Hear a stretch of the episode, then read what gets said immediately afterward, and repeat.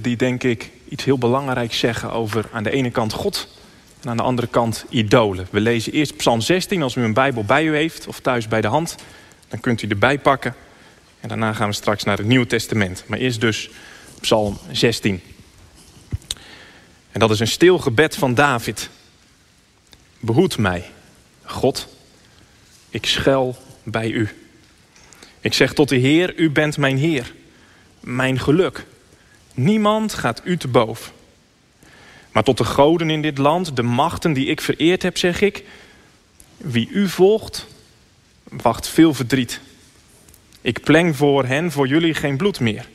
Niet langer ligt hun naam op mijn lip. Heer, mijn enig bezit, mijn levensbeker, u houdt mijn lot in handen. Een lieflijk land is voor mij uitgemeten. Ik ben verrukt van wat mij is toebedeeld. Ik prijs de Heer die mij inzicht geeft. Zelfs in de nacht spreekt mijn geweten. Steeds houd ik de Heer voor ogen. Met Hem aan mijn zijde wankel ik niet. Daarom verheugt zich mijn hart en juicht mijn ziel. Mijn lichaam voelt zich veilig en beschut. U levert mij niet over aan het dodenrijk. En u laat uw trouwe dienaar het graf niet zien. U wijst mij de weg naar het leven. Overvloedige vreugde is in uw nabijheid. Voor altijd een lieflijke plek aan uw zijde. Dat was het Oude Testament. Bladeren we naar het Nieuwe Testament. Handelingen 17. En dan beginnen we met lezen in vers 15. En dan lezen we tot het eind van het hoofdstuk. Een bekend gedeelte over Paulus in Europa, in Athene. Paulus' begeleiders brachten hem naar Athene en keerden daarna weer terug met de opdracht om tegen Silas en Timotheus te zeggen dat ze zich zo spoedig mogelijk bij hem moesten voegen. Terwijl Paulus in Athene op hen wachtte, raakte hij hevig verontwaardigd bij het zien van de vele godenbeelden in de stad. In de synagoge sprak hij met de Joden en met de Grieken, die God vereerden, en op het marktplein ging hij dagelijks in debat met de mensen die hij daar aantrof. Onder hen waren ook enkele epicurische en stoïsche filosofen, van wie sommigen zeiden, eh, wat beweert die praatjes maken toch? Anderen merkten op, hij schijnt een boodschapper van uitheemse buitenlandse goden te zijn. Omdat ze dachten dat hij predikte over Jezus en een godin die opstanding heette. Ze namen Paulus mee naar de Areopagus en zeiden... kunt u ons uitleggen wat die nieuwe leer is die door u wordt uitgedragen? Want wat u zegt klinkt ons vreemd in de oren. We willen graag weten wat u bedoelt. Alle Atheners en de vreemdelingen die er wonen... hebben immers voor haast niets anders tijd... dan voor het uitwisselen van de nieuwste ideeën. Paulus richtte zich tot de leden van de Areopagus, van de rechtbank... en zei... Atheners, ik heb gezien hoe buitengewoon godsdienstig u in ieder opzicht bent. Want toen ik de stad rondliep en alles wat u vereert nauwlettend in ogenschouw nam... ontdekte ik ook een altaar met het opschrift aan de onbekende God. En wat u vereert zonder het te kennen, dat kom ik u vertellen. De God die de wereld heeft gemaakt en alles wat er leeft... hij die over hemel en aarde heerst... woont niet in door mensenhanden gemaakte tempels... Hij laat zich ook niet bedienen door mensenhanden alsof er nog iets is dat hij nodig heeft. Hij die zelf aan iedereen leven en adem en al het andere schenkt. Uit één mens heeft hij de hele mensheid gemaakt die hij over de hele aarde heeft verspreid. En voor elk volk heeft hij een tijdperk vastgesteld. En hij heeft de grenzen van hun woongebied bepaald. Het was Gods bedoeling dat ze hem zouden zoeken en hem al tastend zouden kunnen vinden. Aangezien hij van niemand van ons ver weg is. Want in hem leven wij en bewegen wij en zijn wij. Of zoals ook enkele van uw eigen dichters hebben gezegd, uit hem komen wij voort. Maar als wij dan uit God voortkomen, mogen we niet denken dat het goddelijke gelijk is aan een beeld van goud of zilver of steen. Het werk van een ambachtsman door mensen bedacht. God slaat echter geen acht op de tijd waarin men hem niet kende, maar roept nu overal de mensen op om een nieuw leven te beginnen. Want hij heeft bepaald dat er een dag komt waarop hij een rechtvaardig oordeel over de mensheid zal vellen. Door een man die hij voor dat doel heeft aangewezen. En het bewijs dat het om deze man gaat, heeft hij geleverd door hem, Jezus, uit de dood doen opstaan. Toen ze hoorden van een opstanding van de doden, dreven sommigen daar de spot mee. Terwijl anderen zeiden, eh, daarover moeten we ons een andere keer nog maar eens vertellen. Zo vertrok Paulus uit hun midden. Toch sloten enkelen zich bij hem aan en aanvaarden het geloof. Onder wie ook een Areopagiet, Dionysius, een vrouw die Damaris heette en nog een aantal anderen. Paulus, die is vertrokken. Vanuit Antiochië, een stad in het huidige Turkije. Hij is naar het noorden gereisd. Onderweg bracht hij het evangelie. Hij wilde graag in Turkije blijven, maar als hij bij de kust is met Griekenland, dan krijgt hij een droom, een visioen. En dan ziet hij een man, een man uit Macedonië, een provincie die nog steeds Macedonië heet in Griekenland. En die man zegt: Kom over en help ons. Kom ons helpen in Europa. Een bekende Nederlandse theoloog, Noordman, zegt erover: Paulus moet naar hulpbehoevend Europa. Vind ik wel een mooie vondst. Hulpbehoevend Europa. Als het evangelie niet klinkt, als je God niet kent, dan heb je hulp nodig. Ook als werelddeel. En Paulus steekt over, hij komt daadwerkelijk in ons werelddeel in Europa. Eerst in Filippi, dan lees je dat hij naar Thessalonica reist. Daar krijgt hij het aan de stok met de Joden. Die brengen hem voor het bestuur, er wordt een borgsom betaald. En Paulus vlucht dan snel naar Berea. En daar brengt hij ook het evangelie. Maar Joden in Thessalonica horen dat hij in Berea is. Die reizen hem dan achterna, boos. Zetten daar de stad op stelten. En Paulus vlucht weer richting Athene. Met een aantal metgezellen, maar zijn medereizigers zijn niet bij hem. Als hij in Athene aankomt. Silas en Timotheus. En eigenlijk wil Paulus naar Korinthe. Maar hij besluit in Athene te wachten tot Silas en Timotheus ook bij hem zijn gekomen. En dan met z'n drieën weer verder te reizen. Dus hij stuurt die mensen die met hem mee waren naar Athene gereisd terug. En hij zegt, zorg ervoor dat die Silas en Timotheus snel naar Athene komen. Eh, want ik moet naar Korinthe. Maar ja, nu, nu is hij aan het wachten in Athene. Mooie stad. Kun je van genieten. Eh, maar Paulus denkt, ja, als, als ik toch ben, dan kan ik net zo goed ook het evangelie gaan brengen. Wel een mooie insteek. Als, als je ergens zit te wachten, als dat dan toch moet. Bij de bushalte. In de wachtkamer bij de dokter of bij de tandarts. Dan kun je net zo goed het evangelie delen, want wachten moet je toch. Nou, dat doet Paulus ook. En we lezen dat hij dan op de Sabbat naar de synagoge gaat om met de Joden te praten.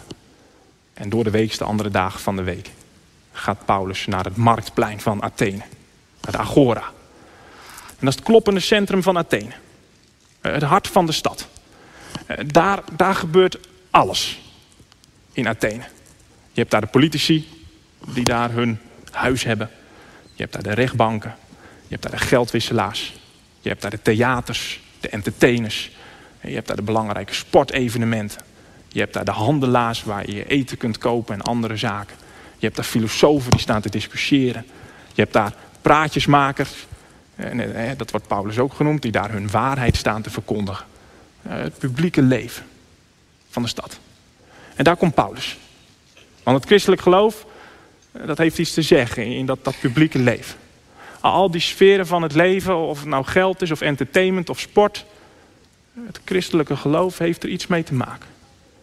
En heeft in die werelden een boodschap. Nou, en die mensen zien dat, dat die Paulus daar elke dag zijn praatje staat te verkondigen. En lezen we dan, ze nemen hem mee naar de Areopagus.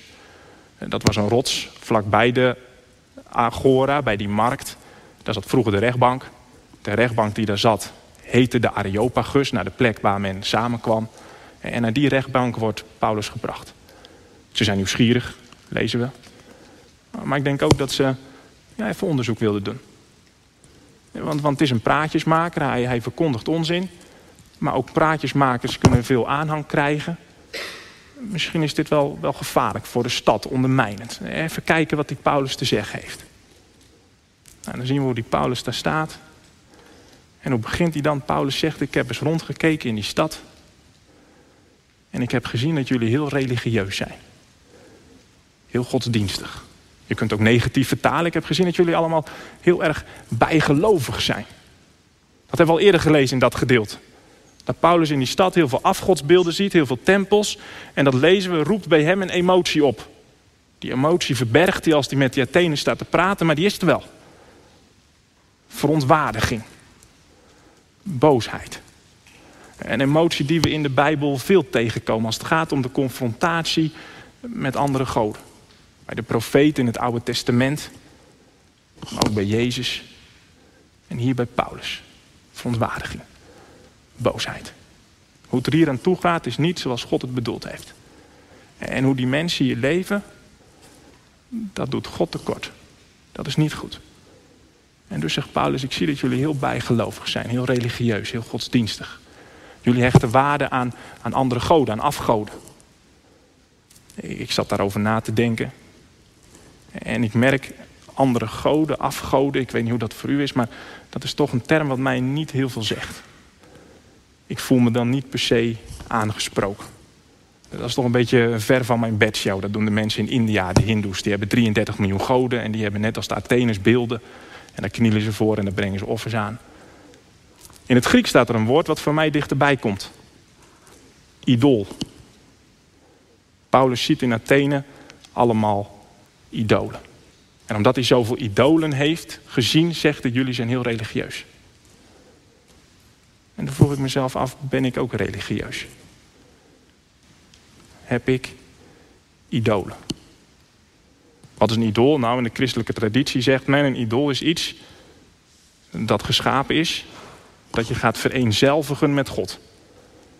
Anders geformuleerd, een idool dat is iets aards, wat je gaat beschouwen als hemels. Nog anders geformuleerd, een idool is iets dat is geschapen waar je je vertrouwen op gaat stellen. Waar je in gaat geloven. Waarvan je gaat verwachten dat dat jou gelukkig gaat maken. Dat dat jou gaat vervullen. Dat dat jou in je leven verder gaat brengen. In een christelijke traditie wordt gezegd: een idool is iets aards dat voor jou belangrijker wordt dan het hemels. Een idool is iets dat een gave is van God, maar voor jou belangrijker wordt dan de gever, dan God. Calvijn zegt dan, en dat vond ik een hele confronterende uitspraak. Het hart van de mens is een continue fabriek van idolen.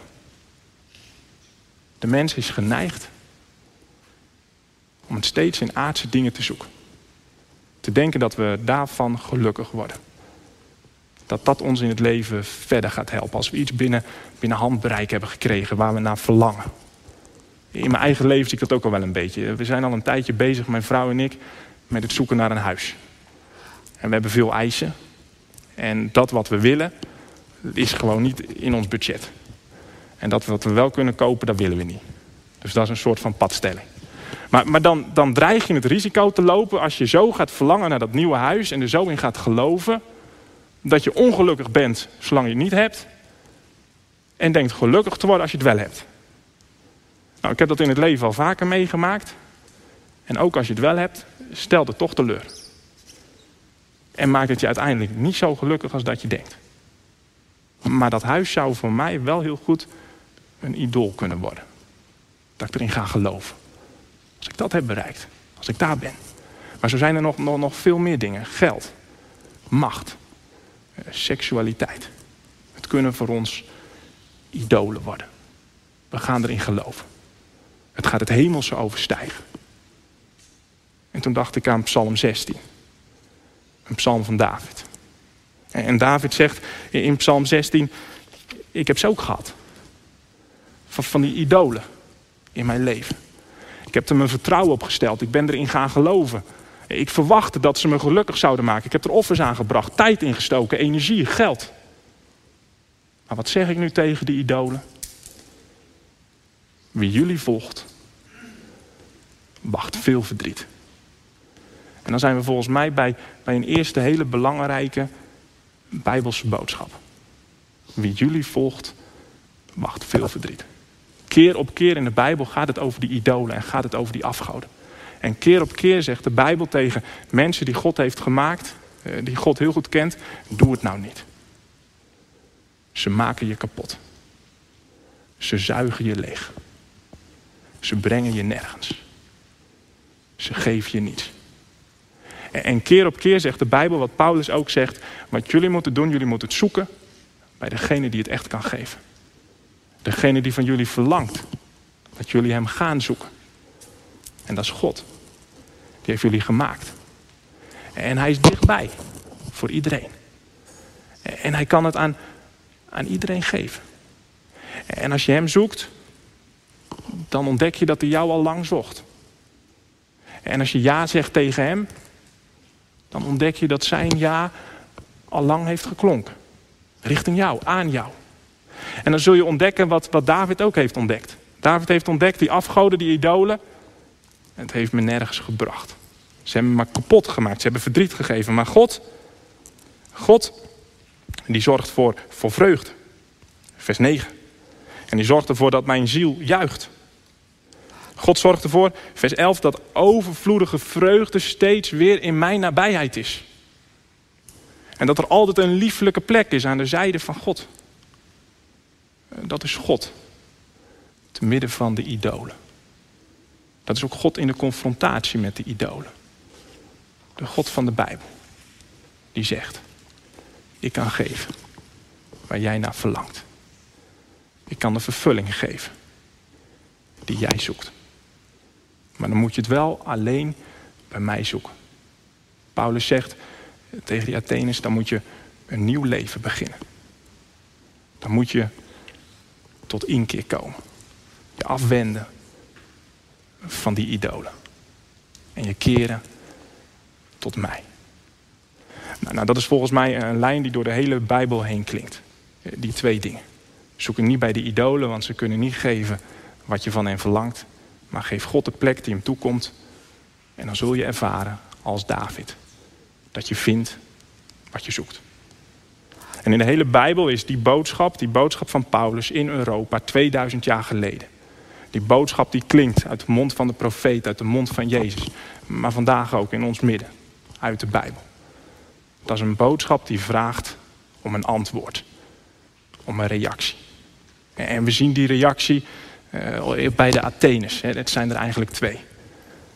Er zijn die horen over die opstanding uit de doden voor Paulus heel belangrijk. Ze kunnen er niks mee. Ook de hoogste filosofen, die slimme mensen in, in Athene, die, die, die geloofden daar niet in. Dat ging hun boven de pet. Maar er zijn er ook een aantal die laten zich inwinnen door die God. Die geeft wat hij belooft. En, en, en nu zitten wij hier als, als christenen en ik ga ervan uit dat in ieder van u eh, de afgelopen jaren, misschien al wel heel lang geleden, zich heeft laten inwinnen door die God. En dat u straks aan tafel tijdens de lunch aan uw kinderen kunt vertellen eh, wat Paulus in Psalm 16 vertelt.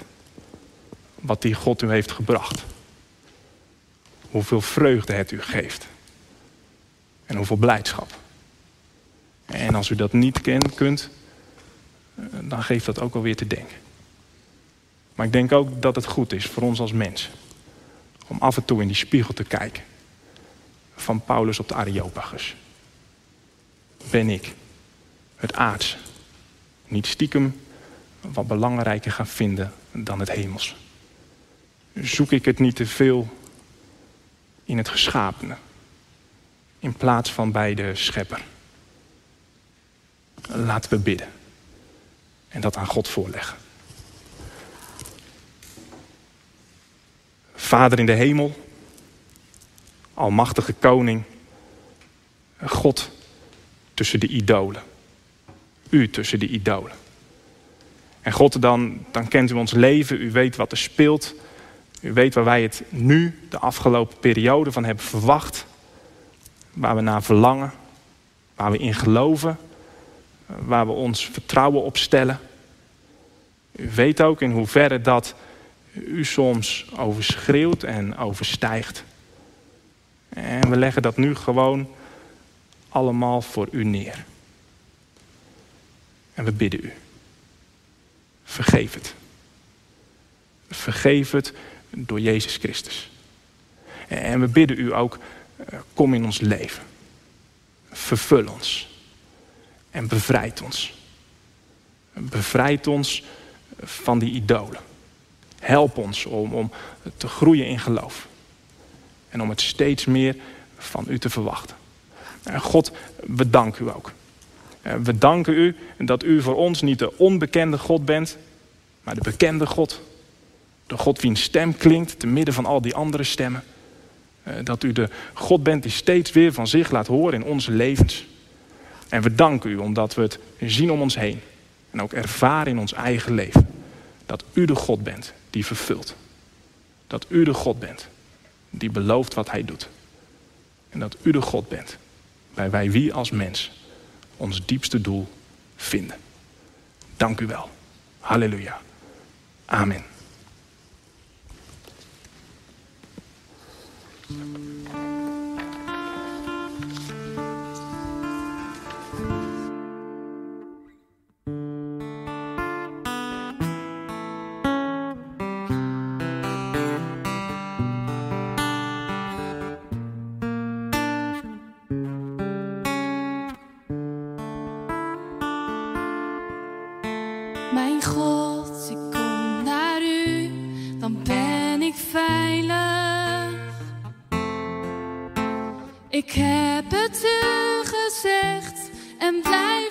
Zeggen.